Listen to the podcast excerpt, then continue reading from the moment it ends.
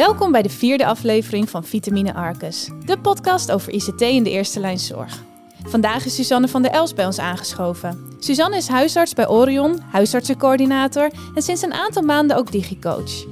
Uiteraard zit ook co-host Habib Abdella aan tafel, ICT-adviseur eerste lijn zorg vanuit Arcus IT. We gaan het vandaag hebben over de rol van digicoach. Waarom is Suzanne hiermee aan de slag gegaan? Hoe zag het traject eruit? En wat doet een digicoach eigenlijk in de praktijk? Hoe reageren collega's erop? Wat zijn de resultaten? En welke tips heeft ze voor jou? Genoeg te bespreken. Let's go! Welkom bij Vitamine Arcus, de podcast over ICT in de eerste lijn zorg. Suzanne, welkom bij Vitamine Arcus. Superleuk dat je bent aangeschoven. Dankjewel. Wil je jezelf allereerst even introduceren? Ja, ik ben uh, Suzanne van der Els. Uh, ik ben huisarts in Amersfoort uh, bij Orion. en nou, daar ben ik nu anderhalf jaar praktijkhouder geworden. En daarvoor heb ik daar ook al een tijd gewerkt. inmiddels nu ja, ruim vijf jaar huisarts. en onder andere bezig met dit onderwerp. Ja, leuk, want je hebt een subsidie aangevraagd voor een training tot digicoach. Uh, kun je even vertellen wat de achtergrond daarachter was? Wat uh, heeft je doen besluiten om die subsidie aan te vragen? Uh, ja, dat ging eigenlijk vooral samen met onze apotheker, die, uh, nou ja, waar we heel veel mee samenwerken, die ook naast ons uh, in het pand zit. en hij nou ja, was dit op het spoor gekomen en hij wilde dit ook gaan doen voor zijn praktijk. Dus eigenlijk hebben we het samen gedaan voor ons wijksamenwerkingsverband. Ehm, met het doel om ja, de zorgverleners in onze praktijken en ook in de wijk digitaal vaardiger te maken. Want dat was nodig. Ja, nou, ik denk dat, dat dat je daar altijd in kan ontwikkelen. Dus het maakt niet uit eigenlijk hoe digivaardig je al bent. Uh, maar goed, er zijn natuurlijk heel veel ontwikkelingen gaande. Uh, en nou, daarin zou het mooi kunnen zijn als we onze, zorg, onze ja, collega's daarin kunnen ondersteunen. En ook vooral beter kunnen samenwerken door meer gebruik te maken van de mogelijkheden die er zijn. En hoe zag het er in de praktijk uit? Je hebt die subsidie aangevraagd. Uh, wat ben je gaan doen? Ja, dus die, uh, nou, die subsidie, je moest eerst een formulier invullen, was, viel eigenlijk wel mee. was niet zo heel veel werk. Er waren uh, twee A4'tjes met, met wat vragen wat je plan dan precies was. Uh, en daarna kreeg je dan, nou ja, werd je ingedeeld bij of bureau Straks of bij de Q Academy. en wij kwamen dan bij bureau Straks. en dat is nou een, een, bedrijfje wat, uh, wat daarmee hielp. Dus die gaven daar training in. Um, en daarna was het dan het idee dat we zelf uh, wat dingen zouden uitwerken. Uh, en die training was twee dagen online, want het was ook nou ja, digitaal, maar ook in de hm. coronatijd. Ja, um, en dat hebben we dus gedaan met twee apothekersassistentes en um, een, eh, uit drie verschillende praktijkenassistentes en uh, dan ik als huisarts. Dus we met een uh, gemixt team. Leuk. Ja. En zijn dit dan de enige twee bureaus die dit faciliteren, zeg maar, om een opleiding tot, tot digicoach? Of zijn er meerdere partijen in, in Nederland waar je dat zou kunnen doen? Daar heb ik me eerlijk gezegd niet echt in verdiept. Of er meerdere partijen waren. Ik, ik verwacht misschien van wel. Maar nou, deze zijn wel echt gericht uh, ook op de zorg, op zorgverleners. En bij bureau straks, nou, daar heb ik dan nu mee gewerkt. Dus daar weet ik het meeste van. Maar daar zit dan nou, de eigenaar daarvan. Die uh, heeft ook bijvoorbeeld daar een boek over geschreven. En uh, de, of de, ja, de digitale professional. Nou, ik weet eerlijk gezegd even niet precies hoe het heet. maar, Dus um, zij is daar heel veel mee bezig geweest. En vooral in de gehandicapte zorg in Utrecht. En uh, nou, in de huisartszorg was het nog relatief nieuw. Um, dus van andere bedrijven weet ik het eigenlijk niet. Je gaf net aan van nou ja, uh, op een gegeven moment dan, dan ga je zo'n subsidie aanvragen. Dus er is inderdaad een aanleiding. Kan je daar misschien concrete voorbeelden van noemen dat je denkt echt van nou oké, nu is het echt wel tijd om hier iets mee te gaan doen. Want ik zie dit, dit en dit bijvoorbeeld. Kun je daar misschien iets ja, van nou, wij hebben sowieso in de praktijk waar we zitten, merkten we dat de ICT wat uh, verouderd is. Uh, Dus de nou, de hardware die was gewoon uh, is, uh, ja, aan vervanging toe. Ja. Dat, dat is natuurlijk op een gegeven moment gewoon zo na een aantal jaar. Um, en uh, nou, waren we aan het uitzoeken van wat willen we dan nieuw? En dan kom je erachter wat er eigenlijk allemaal mogelijk is. en welke dingen eigenlijk ook niet zo handig gaan. Nou, in de zorg maken we natuurlijk bijvoorbeeld nog gebruik van ja. fax. Ja. wat eigenlijk wel bijzonder is. en nou, er zijn heel veel formulieren die ondertekend moeten worden door artsen. En die, krijg die worden dan eh, verstuurd per post Ja. of uitgeprint per mail en dan weer ondertekend en dan weer ingescand. Heel inefficiënt. Nou, heel inefficiënt. en echt dat je denkt, ja, wa- waarom doen we dat nog op die manier? Ja. Maar het gaat al jaren zo en het werkt op zich wel. Ja. Ehm, maar als je erover na gaat denken, ja, dan kan het natuurlijk eigenlijk veel efficiënter. Ja. En moet het eigenlijk ook wel efficiënter. Ja. Maar dan is het eh, voornamelijk dat je het inderdaad een beetje eh, ziet in, in, in de eh, verouderde systemen die je zelf hebt. En, en dan tot de conclusie komt dat er heel veel nieuwe ontwikkelingen zijn. Dat je dan denkt van nou, hier moeten we ons ook op gaan voorbereiden. Ook een beetje in de processen hoor ik je. Maar is er dan ook bijvoorbeeld vanuit de gebruikers zelf, vanuit jouw collega's, dat zij dan zeggen van nou, ik vind het allemaal best wel snel gaan, dat digitaliseren en kunnen we daar niet wat mee? Nou, je merkt dus dat, dat, dat er vaak dan workarounds ontstaan. Dus Ja. dat mensen dan op een eigen manier het wel voor elkaar krijgen. Of dat er wel dingen gedaan worden. Of dat ze, eh, dat ze het uiteindelijk dan maar niet doen. Ja. Eh, omdat ze het of niet weten, of het spannend vinden. Of eh, nou ja, denken van, nou, het zal mijn tijd wel duren. Ik ben al bijna klaar en ik hoef dit niet meer te leren, zeg maar. terwijl als ze dan ja, toch ding- nieuwe dingen leren en denken van, oh, dat kan makkelijker, dan Ja. geeft dat ook wel weer een positief gevoel. Ja, ze maken het misschien in hun hoofd iets groter dan dat het is. En op het moment dat ze er toch mee aan de slag gaan, dan vinden ze het eigenlijk wel leuk. Ja, een beetje Ja, de angst voor het onbekende zeker. misschien ook wel. Ja, ja. Ja. en ook wel angst om misschien dingen verkeerd te doen. Ja. Eh, dus om, eh, nou ja, vaak heb je natuurlijk in een huisartsenpraktijk of apotheek of fysiotherapiepraktijk wel een ICT-bedrijf wat, wat ondersteunt en die doen de instellingen. En dat er dan toch wel angst is van, oh, als ik hierop klik, dan gaat het misschien verkeerd of maak ik het kapot. Of, eh, nou ja, dat, dat, soort soort, eh, angsten zijn er wel. Ja. Oké. En wat houdt een digicoach nou eigenlijk in, in de praktijk? Wat doe jij nu eigenlijk? Ja, dat is een goede vraag. Eh, ik ben er ook niet dagelijks mee bezig. Eh, dus het is dat je kan natuurlijk ook verschillende invullingen aangeven hoe je het zelf eh, uitvoert. Eh, maar het doel is vooral dat je dus anderen ja, ondersteunt en stimuleert om eh, met digitale ontwikkelingen aan de slag te gaan. Dus het is niet zo dat je alle digitale dingen op je neemt en gaat eh, uitrollen in de praktijk, maar meer dat je er eh, nou ja, bent voor, eh, voor de andere collega's. Als die vragen hebben, of is het bijvoorbeeld ook dat je eens een, een training geeft aan een aantal collega's bij elkaar? Of wel, in welke mate ben jij verantwoordelijk voor de kennis van je collega's? Ja, nou, ehm, het is tot nu toe hebben we niet zeg maar echt een training gegeven over een inhoudelijk onderwerp, dus geen knoppencursus. Eh, maar dat gaat denk ik nog wel meer komen. Maar ja, omdat ik ben ook zelf geen ICT-expert, dus daar zal ik dan ook anderen denk ik bij eh, betrekken. Maar meer dat je dan wel weet van nou, wat is er nodig en wat kan daarin helpen. Eh, en dat je denk ik ja, toch vooral op de werkvloer gaat, eh, als, als iemand een vraag heeft, dat je dan even de tijd neemt om ervoor te zitten. En ook iemand helpt om het zelf te gaan uitzoeken. Ehm, en ook wel dat je inderdaad het opvalt van welke dingen kunnen eigenlijk handiger of efficiënter. En dat je da- daar dan mee aan de slag gaat. En wel dan instructies maakt. ja, precies. En is dat Ja. ook wat je tijdens die training hebt geleerd? Over hoe je mensen leert om het zelf uit te zoeken? Of wat, was meer de, wat, wat heb je eigenlijk tijdens de training geleerd? Ja, dus tijdens die training kwamen best veel verschillende dingen aan bod. Eh, bijvoorbeeld eh, nou ja, waar, wat succesfactoren zijn om het te laten slagen. Ehm, en ook eh, nou, wat verschillende manieren zijn hoe mensen leren. Er zijn natuurlijk sommige mensen die, die eh, duiken het liefst in een boek en die gaan van A tot Z alles helemaal precies uitpluizen. En andere mensen denken, nou, ik kijk liever een keer mee. Of gaan gewoon klikken en dan komen ze er wel achter hoe het werkt. Eh, dus nou, daar ging je in leren van hoe doe ik dat zelf. Maar ook hoe kan ik dat dan bij een collega zien en hoe kan ik daar dan in meebewegen. Oké, en eh, eh, wat ik wilde zeggen. Eh, kan, je, kan je concrete voorbeelden noemen van, ehm, van eh, zaken waar je collega's dan mee komen? Hè? Die, die zien jij dan binnenkomen van, hé, hey, Suzanne is digicoach. die gaan we eens eventjes eh, eh, Al onze ja, IT-vragen stellen. vragen eh, Ja. stellen. En Eh, mijn wat, zijn nou echt de meest voorkomende zaken waar jij ze dan ook e- echt bij hebt kunnen helpen? Eh, nou, we zijn nu bijvoorbeeld bezig om in de wijk te gaan samenwerken met eh, Microsoft 365. En dat is natuurlijk ja, best wel nieuw nog, of in ieder geval voor, eh, voor ons in de zorg. Ehm, en daar kan heel veel bieden. Dus kunnen we heel veel met elkaar chatten. Maar dan moet je bijvoorbeeld een, uh, tweestapsverificatie instellen en een QR-code scannen en nou, om dat allemaal werkend te krijgen.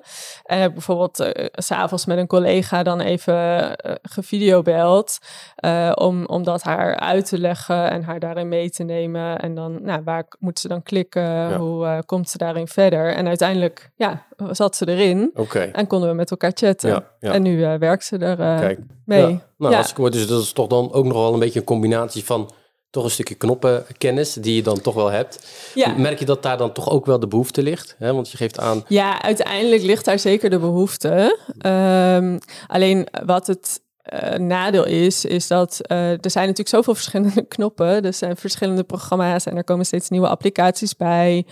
Uh, dus het is niet zo dat je al die knoppen kan uitleggen of voor ieder nieuw ding een nieuwe cursus kan geven. Het gaat ook super snel natuurlijk, al die ontwikkelingen. Ja, dus ik denk dat het ook vooral belangrijk is dat uh, er het, besef komt en bewustzijn dat het goed is om ermee aan de slag te gaan.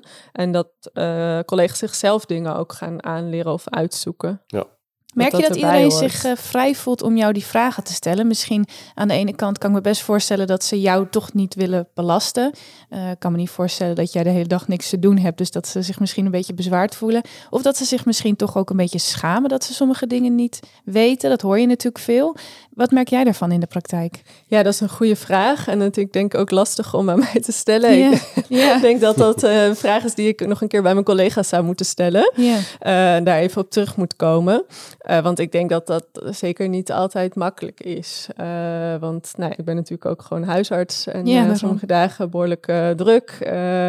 en dan, nou ja, dan komt een vraag over ICT een beetje voor mij soms ook uit de lucht. Terwijl ik dan met patiëntenzorg bezig ben. En dat voor mij dan toch wel prioriteit heeft. Um, maar goed, dan is het wel, ja, probeer ik natuurlijk wel te, aan te geven. Nou, we kunnen er straks even naar kijken of een andere dag. Of dat, dat we het even inplannen. Maar dat was ook wel van de andere digicoaches, van de assistenten uit de apotheek en de andere huisartspraktijken wel een veel gehoord probleem. Ze willen er wel ook meer die rol pakken om die digicoach te zijn.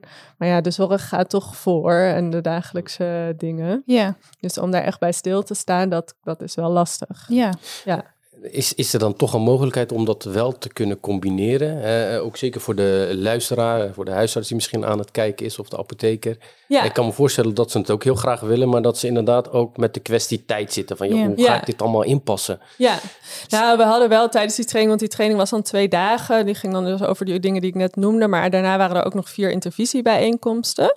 En dan kon je dus casussen inbrengen van wat je had geprobeerd en hoe je het aanpakte. Mhm. En nou, daar was dit ook wel een veel besproken onderwerp onderwerp. Uh, en een van de conclusies was dat het gewoon wel een lastig iets is. Maar ook wel dat je bijvoorbeeld een digitaal spreekuur kan inrichten. Dus dat je dat op één keer, uh, één keer in de week een uurtje doet. Dat collega's dan kunnen ja. Ja. Uh, langskomen. Uh, of uh, dat, uh, nou, dat die collega er gewoon extra tijd voor krijgt. En dat je dit dus ook communiceert als werkgever aan de andere assistentes. Van nou, deze assistente heeft deze rol, dus daar, daar gaat gewoon tijd in zitten. dus dat, dat, zou, ja, dat die assistent zich daar ook in gesteund voelt. Ja. Dat is denk ik wel ja. belangrijk. En dat dat eigenlijk een beetje wordt, eigenlijk al een beetje wordt berekend. Voor je op het moment dat de assistenten een digicoach gaat worden, dan moeten we haar ook uh, vrij kunnen spelen om dit te kunnen, te kunnen ja, doen. Precies. Dus eigenlijk moet daar qua organisatie wel rekening mee gehouden worden. Ja, ja. Om die mensen ook hun ding te kunnen laten doen. Ja, okay. het is wel een investering, maar ja, dat levert natuurlijk ook uiteindelijk ja. uh, wel op. Uh, en ja, dat maakt wel dat, dat processen uiteindelijk makkelijker gaan. Merk je dat ook? Eh, ik bedoel, ik weet niet hoe lang je nu al bezig bent natuurlijk. Ja. En of die omslag uh, je al. Uh... training in maart gedaan. Uh, nou, ik merk er echt wel zeker okay. verschil. maar ja, het is wel echt iets wat ook tijd nodig heeft. Ja. En nou, we gaan dan nog met, want dat Microsoft 365 project is met de wijk geweest. Maar we gaan dat ook nog binnen de praktijk doen. Nou, dat vind ik wel spannend hoe dat ja. gaat lopen. Ja, ja, En hoe kijk je naar de combinatie uh, met van het digicoach zijn met het bijspijkeren van de kennis van je collega's? Hè? Als jij natuurlijk de enige bent die altijd alles weet en jij moet alles individueel uitleggen, dat klinkt ook niet heel efficiënt. Um, zijn jouw collega's ook bezig dat ze bijvoorbeeld een training krijgen nu voor de nieuwe Microsoft-omgeving, uh, dat ze zelf ook actief hun kennis bijspijkeren? Hoe zie je die balans daartussen? Ja, nou, ik denk dus dat, dat dat kost wel tijd. En doordat er dus meer bewustzijn is over dat het belangrijk is, dat we eigenlijk dat het niet eens een vraag is van of we het gaan doen, maar dat we wel moeten veranderen hierin, dat dat uh, bewustzijn er wel steeds meer komt. Dus dat helpt daar wel in. En er zijn ook wel een aantal uh, ja, collega's die gewoon echt wel heel handig hier zijn, uh, hiermee zijn. Dus die nemen anderen ook wel mee. En uh, daardoor zijn de mensen die het wat moeilijker vinden, die kunnen dan ook weer aanhaken. Ja, maar het is niet zo dat ze uh, in één keer een, ze allemaal een knoppencursus krijgen van het nieuwe programma. En als je daarna nog vragen hebt, komen ze bij jou. Het is, of bij een van die handige collega's. Op dit moment vragen ze dus alles vanaf het begin eigenlijk aan jullie?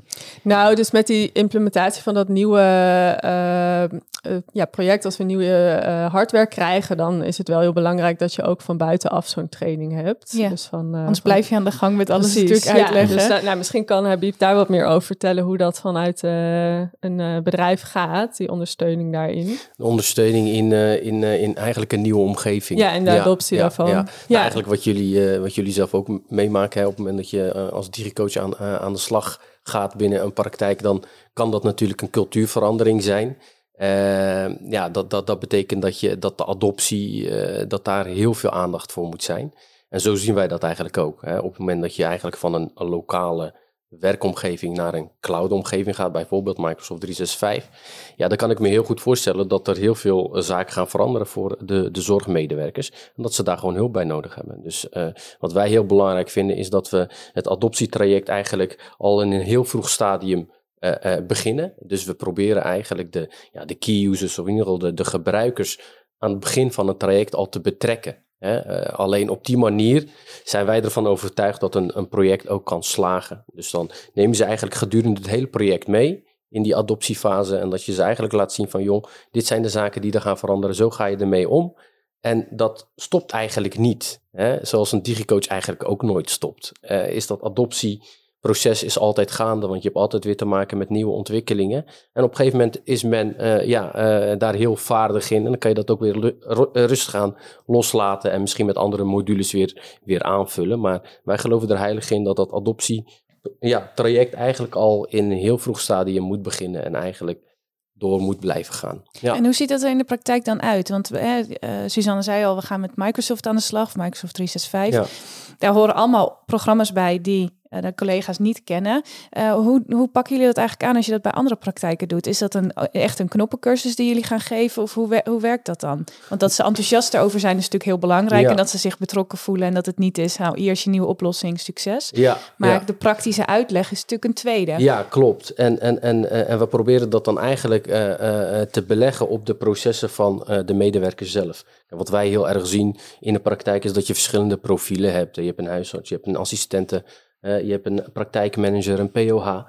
En daar ga je eigenlijk een beetje de verdieping uh, uh, mee. Van nou, wat doe je nu eigenlijk? hoe ziet jouw dag eruit? Met welke applicaties werk je? Waar maak je allemaal gebruik van? Hoe ziet dat er dan uit in de praktijk? En op basis daarvan proberen wij de oplossing in de vorm van Microsoft 365 dusdanig goed af te stemmen op die processen van een dergelijk profiel dat het voor hun ook veel makkelijker is. Dat ze weten van, hé, hey, ja, dit is inderdaad mijn proces en dat doe ik nu op deze efficiënte manier. En daar helpen we ze natuurlijk bij. Ja. ja. En de bedoeling is natuurlijk ook dat het vanzelfsprekend voelt op een gegeven moment. Ja. Dat de applicaties van vroeger, zeg maar, waar je duizenden opties had en je kon het niet vinden, dat dat steeds meer teruggebracht wordt inderdaad naar een werkplek waar je bijna alleen maar ziet wat ja. je nodig zou kunnen ja. hebben. En wat, wat wij echt ervaren in de praktijk is dat, uh, is dat het wel uh, snel wordt geadopteerd uh, door jong en oud.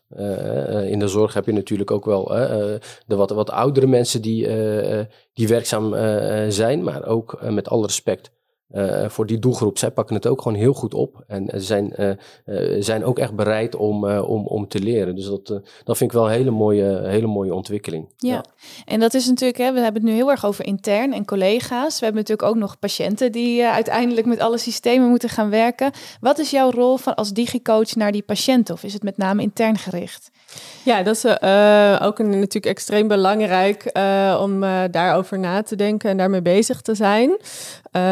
Ehm, en wij hebben nu op dit moment een beetje gekozen om eerst uh, op intern te richten. Uh, omdat als we er zelf uh, ja, vaardig in zijn, dan kunnen we uiteindelijk natuurlijk de patiënten ook beter helpen.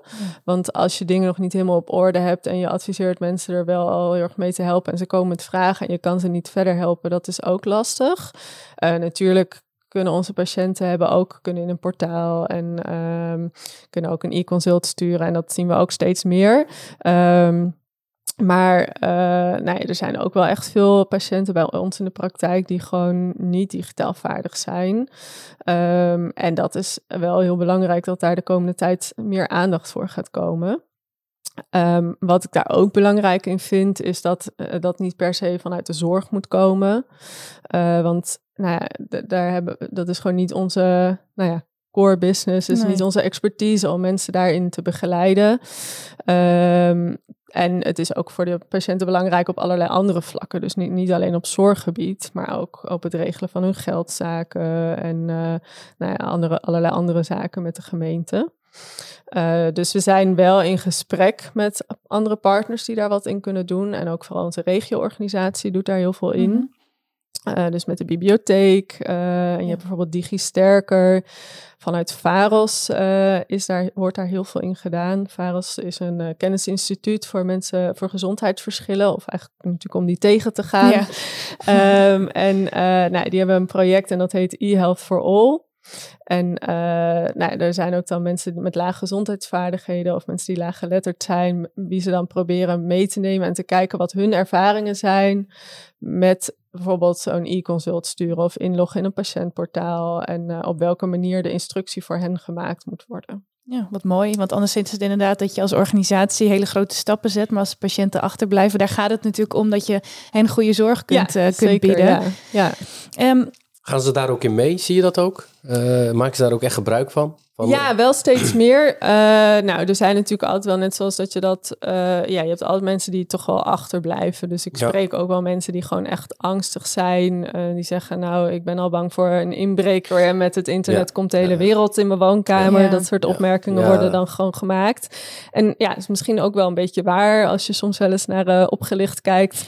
wat oudere mensen en soms ook minder oudere mensen... allemaal overkomt door cybercriminaliteit. Dus ja, een beetje voorzichtigheid is misschien ook niet zo erg. Uh, maar je hebt bijvoorbeeld in Amersfoort wordt dan ook een training gegeven uh, door iemand voor bijvoorbeeld hoe ga je met je DigiD om. Ja. En nou, daar, gaan, daar komen wel mensen op af. Heel goed. Ja. ja. En je gaf net aan van nou, weet je, dat is niet echt een rol van ons om, om, om daar iets in te doen. Doe je dan bijvoorbeeld op de gemeente of de overheid dat ze daar eigenlijk ja. iets sterker in moeten staan om, om, om, om de mensen die uh, momenteel of uh, niet de middelen hebben, hè, bijvoorbeeld internet of een pc, ja. of juist uh, laaggeletterd zijn, om die uh, toch wel mee te nemen in, in, in, in dat hele proces van digitaliseren. Ja, de, dat is denk ik echt extreem belangrijk. Want ja, de laaggeletterdheid, die getallen, die nemen alleen nog maar toe. Ja. Uh, en daardoor creëer je eigenlijk alleen maar een grotere, groter verschil in de maatschappij. Uh, dus ik, ja, ik denk dat nou ja, bibliotheken die doen daar heel veel in. Dat is ja. natuurlijk vanuit overheidsgeld ook. Dus dat, dat is heel goed. Maar nou ja, een bibliotheek is niet altijd de eerste plek waar een laaggeletterd iemand naartoe gaat. Maar goed, die gaan ook wel steeds meer, nou ja, outreachend, die gaan ook steeds meer naar uh, scholen toe of uh, naar uh, buurthuizen. Ja, Dus dat, dat zijn denk ik wel hele belangrijke dingen. En nou ja, zoals nu ook natuurlijk veel wel in het nieuws, de zorg is al vrij druk. En we hebben ook wel moeite met personeelstekorten. dus ja, dan wil je dat toch eigenlijk ook neerleggen bij mensen die daar meer kennis over hebben en ook de tijd voor kunnen nemen. Ja, jij kan niet de hele dag ook nog naast collega's helpen, telefoontjes beantwoorden van patiënten die ook weer vragen hebben omdat ze hun e-mail niet nee. inkomen. Dat, nee. ja, dat gaat natuurlijk helemaal zijn doel voorbij, inderdaad. Ja. Ik wil nog heel even terug toch naar de training, want we zijn bijna aan het einde gekomen van de aflevering. Um, heb je een aantal tips die je daar, of dingen die je hebt geleerd, die je aan de luisteraar zou willen meegeven? Hè? Die, ik snap dat je niet die hele training in een paar minuten kunt samenvatten. Maar wat waren voor jou nou de punten waarvan je dacht, ja, dat zijn echt de tips die voor mij een groot verschil hebben gemaakt? Ja, en ik merk inderdaad, oh, we zijn alweer bijna aan het einde. We hebben, ik heb nog heel veel meer uh, daarover te vertellen. Um, maar ik denk ja, dat het vooral belangrijk is, is dat degene met wie je dat dan samen doet, dat het leuk is om te doen. Uh, en dat je dat enthousiasme dan ook probeert over te brengen, waardoor anderen enthousiaster worden om het te doen. Uh, en dat kan, ja, dat hebben wij dan bijvoorbeeld door simpele dingen gedaan, als een digitale Donald Duck verspreiden. Dat, die was dan uitgebracht door VWS. Of een uh, snoepmuis met een opmerking erbij van, nou, ga naar die of die site uh, voor meer informatie. En dat, nou, dat zijn dan, is dan de site van Bureau Straks bijvoorbeeld. Oh ja, of Digivaardig in de Zorg. Dat is ook een website waar heel veel meer informatie op staat. Um, en ja, vooral denk ik dus anderen motiveren om uh, zelf dingen te gaan uitzoeken, om uiteindelijk verder te komen. En hoe doe je dat? Want dat is een ander Het uitleggen, als iemand je iets komt vragen, is het heel verleidelijk om gewoon het antwoord te geven, vooral als je zelf druk bent. Hoe ja. zorg je er nou voor dat je iemand niet gedemotiveerd of, uh, of überhaupt dat je demotiveert om nog iets aan jou te vragen, maar hoe zorg je ervoor dat diegene zelf actief op zoek gaat. Stel, ik kom bij jou en ik zeg, ik weet niet hoe ik uh, uh, een videocall moet uh, opnemen, bijvoorbeeld. Ja, uh, nee, dat uh, probeer ik uh, zo goed mogelijk te doen. Ik hoop dat dat lukt. Maar door, ja, door dan toch even naast die persoon te gaan zitten of even te vragen van nou, wat heb je al geprobeerd? En nou, vooral ook dan zelf echt letterlijk de knoppen aan te laten raken. En als het dan lukt ook nou ja, even samen te vieren. Zo van ja. oh, dat is wel goed gegaan. En nou, het is toch weer leuk en weer een stap gemaakt. Ehm, en nou, daar dus complimenten over geven. Leuk. En is de uh, subsidie nog beschikbaar? Weet je dat? Ja, volgens mij nu even niet. Uh, maar nou, er waren drie rondes achter elkaar. En ik denk dat dit ook wel een onderwerp is wat heel erg ja, onder de radar is van VWS. Uh, nou, misschien niet nu op dit moment de meeste prioriteit. Nee. Maar uh, nou, ik denk wel dat daar weer nieuwe, nieuwe dingen in gaan komen. Ja. ja. Want is het, is het uh, ik kan me voorstellen dat, dat wel meerdere praktijken of apotheken dit zouden willen doen. Is het een makkelijk proces? Is het ook, ja, is het, jij zegt onder de radar, is het makkelijk te vinden? waar moeten ze beginnen? ja, nou, ik ben al ge geabonneerd op een nieuwsbrief van ja. Zorg voor Innoveren. Daar staan dat soort dingen in, ja. dat soort subsidies en ook tips hoe je daarmee om kan gaan. Ja.